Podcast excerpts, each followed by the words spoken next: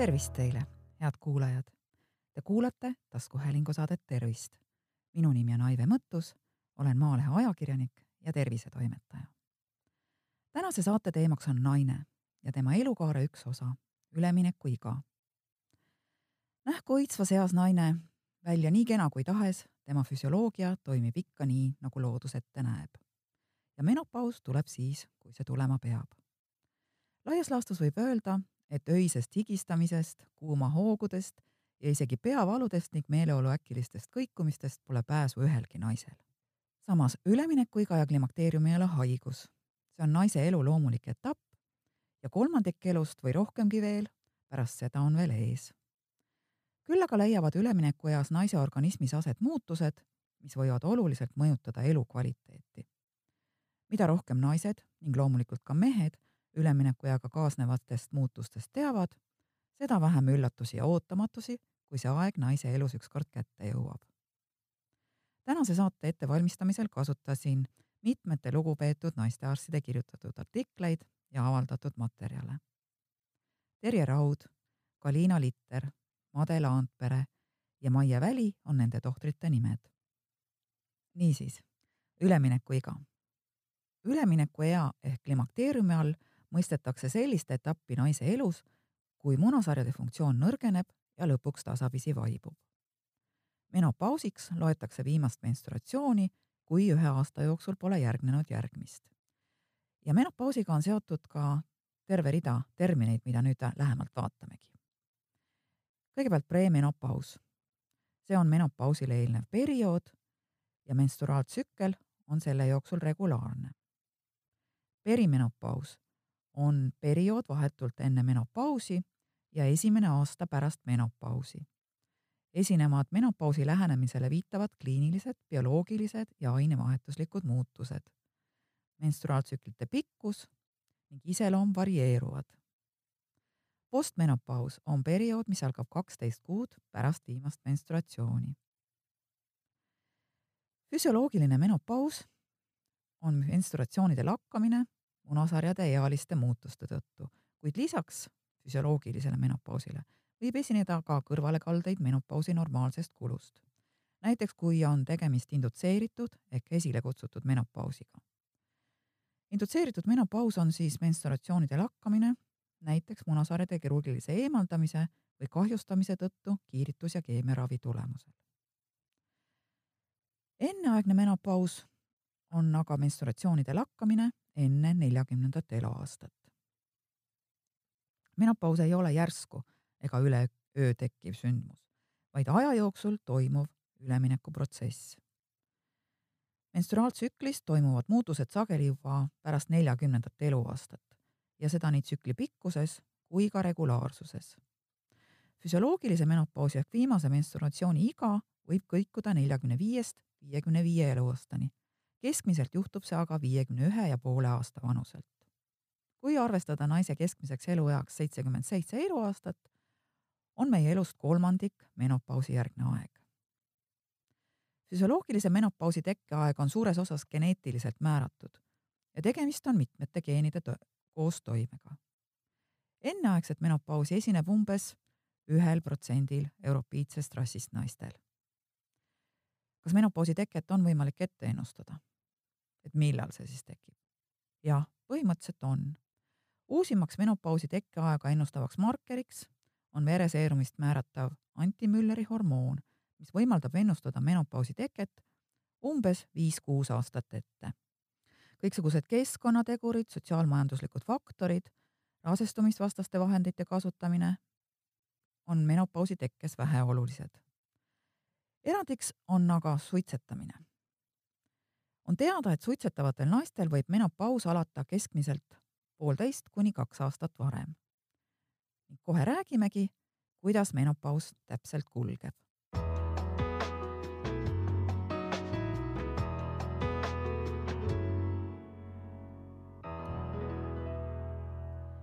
menopausil äh, eristatakse kolme järku.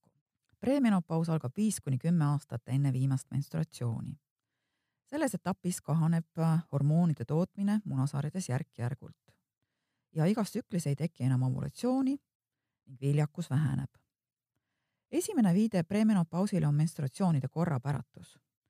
ilmneda võivad ka tüüpilised menopausi sümptomid ehk siis kuumahood, öine higistamine, unetus, peavalud, melanhoolsus.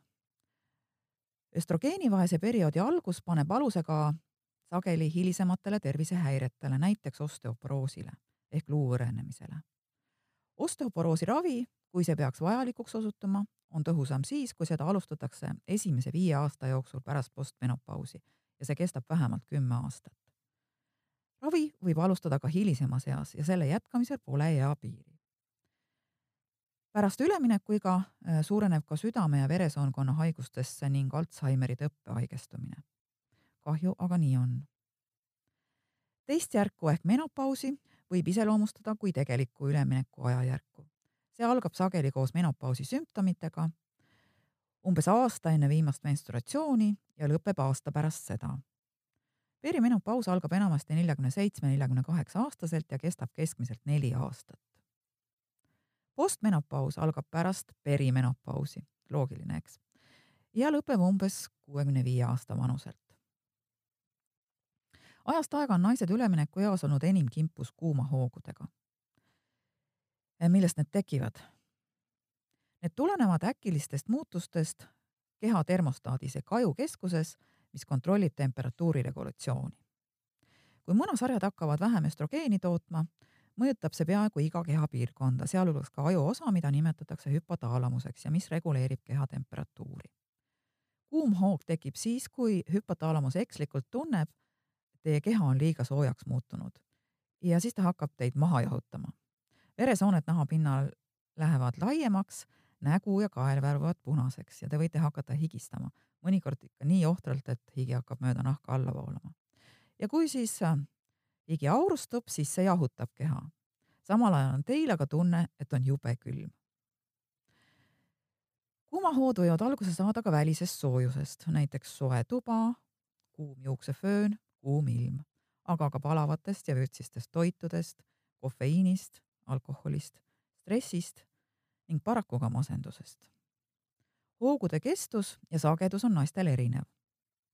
tüüpiline kuumahoog kestab mõne minuti, aga võib kesta ka kuni kümme minutit.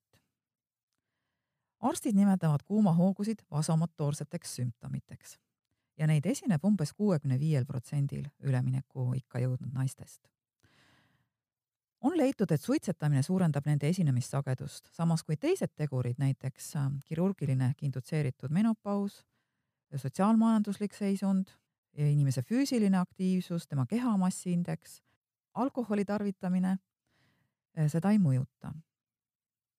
kahe tuhande neljateistkümnendal aastal ilmunud Ameerika gümnakoloogide juhendi andmeil kogeb kuuma hooge paari kuu jooksul perimenopausaalses perioodis kolmkümmend kuni viiskümmend protsenti naistest ja viiskümmend kuni kaheksakümmend kaks protsenti menopausis naistest. enamusel ehk kaheksakümne viiel, üheksakümnel protsendil mööduvad kaebused nelja-viie aasta jooksul ja kokku võivad vasomotoorsed nähud kesta neli kuni kümme aastat. päris pikk aeg sellise ebameeldivusega koos elada. üht kuumahoo episoodi kogeb igapäevaselt umbes kaheksakümmend seitse protsenti naistest, tervelt kolmandikul aga on neid kümme või enam korda päevas ja enim esinebki kuumahoogusid esimesel aastal pärast menopausi algust. seda, kas kuumahood tekivad või mitte, ette ennustada pole võimalik. Selleks, et rohkete häirivate kuumahoogude ja öiste higistamistega paremini toime tulla, pakutakse apteekides mitmesuguseid erinevaid looduslikke preparaate. ja ütleme nii, et neist võib abi olla, kui usk on piisavalt suur. olemas on ka hormoonasendusravi, mille määrab arst ja mille vajadus selgub Äh, pärast pikka vestlust tohtriga. kuna hormoonasendusraviga kaasnevad ikkagi teatud äh, riskid ja need ei ole mitte madalad riskid, siis ei otsusta ükski arst sellist asja kergekäeliselt. ja kuigi kuumahood võivad tunduda jube vastikud, on nad siiski ka ilma ravimiteta täiesti üleelatavad. kusjuures unustada ei tohi selle kõige juures tervislikke eluviise, need on alati abiks. Lisaks vasomotoorsetele sümptomidele kaebavad naised ka vaginaalseid sümptome. postmenopausis kolmandik ja hilises postmenopausis peaaegu koguni pooled naistest. On tähele pandud, et erinevalt kuumahoogudest süvenevad vaginaalsed sümptomid vanusega.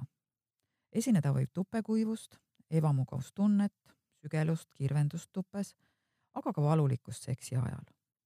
ja põhjustab seda vaginaalpiirkonna verevarustuse ja sekretsiooni vähenemine, aga ka selliste ainete nagu kollageen ja elastiin tootmise vähenemine ning sidekoe rikkalikum vohamine tupes. ette võib tulla ka juuste hõrenemist, südame pekslemist ja vaherööke, kehakaalu tõusu, liigese ja lihaskaebusi ning vähenevad, kahju küll, luu- ja lihaskoe moss.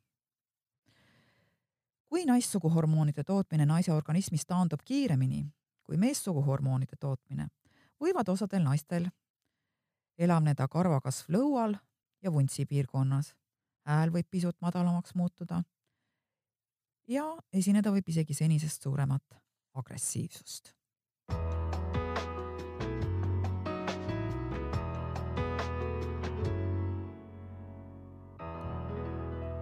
tänase saate lõpetuseks refereerin ajakirja Eesti Naine veebruari numbrit, milles peatoimetaja Heidit Kaia on kümne kokkuvõtva punktina kirja pannud, kuidas menopaus naise keha mõjutab. nii palju, kui on naisi, on ka stsenaariume, kuidas mööduvad üleminekuaastad. kuidas kulges see teie see emal, sõbrannal või isegi õel, ei ütle mitte midagi teie enda teekonna kohta. mõned asjad aga puudutavad meid kõiki. esiteks muutub silmade kuju. no loomulikult äh, anatoomiline silmade kuju ei muutu, aga see, kuidas silmad meil näos välja paistavad, muutub küll. ja mõnel vajuvad silmad rohkem koopasse, teisel suureneb aga ülalausurve. Esialgu on erinevus võrreldes varasemaga väike, hiljem muutub see nähtavamaks. ja kuna limaskestad muutuvad üldiselt kuivemaks, võib saada senisest suuremaks probleemiks ka silmade kuivus, eriti neil, kes veedavad pikki päevi arvuti taga teiseks lisandub paar üle kilo ja seda seoses madala östrogeeni tasemega ning sellega, et juba neljakümnendast eluaastast saadik aeglustub järk-järgult organismi ainevahetus.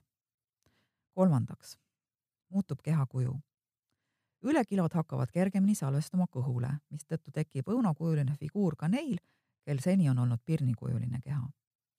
toitumist kontrollides ja piisavalt trenni tehes on aga võimalik kontrollida nii ülekaalu kui ka figuuri neljandaks, rinnad võtavad teistsuguse vormi. ja see ei pruugi olla tingimata halb uudis. kuigi senine prinkus taandub, rõõmustavad need, kes on soovinud endale kogu elu suuremaid rindu. samas võivad teised jälle hädas olla ülemäärase lopsakusega. viiendaks, luude hõrenemine algab juba pärast kolmekümne viiendat eluaastat, kuid saab erilise hoo sisse just menopausi ajal ja järel kuna nõrgad luud murduvad kergemini, tuleb tähelepanu pöörata kaltsiumirikkale menüüle, piimatooted, ütlen ma siinkohal. ning vajalik võib olla ka teatud juhtudel kaltsiumilisandite võtmine. kuuendaks, vetsus peame me sagedamini käima hakkama, sest põis ei pea enam sama hästi kui enne. tilk võib püksi tulla köhimisel, naermisel, raskuste tõstmisel.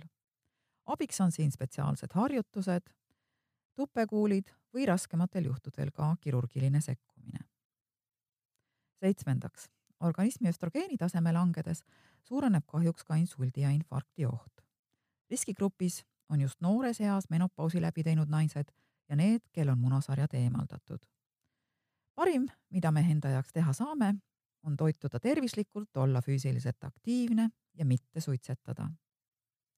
kaheksandaks, peaaegu kõikidel naistel esineb meeleolu kõikumisi, mida põhjustavad ainuüksi vananemise teadvustamine ja kehas toimuvad muutused menopausi-eelsel ajal on naistel silmad vahel märja koha peal päris tihti.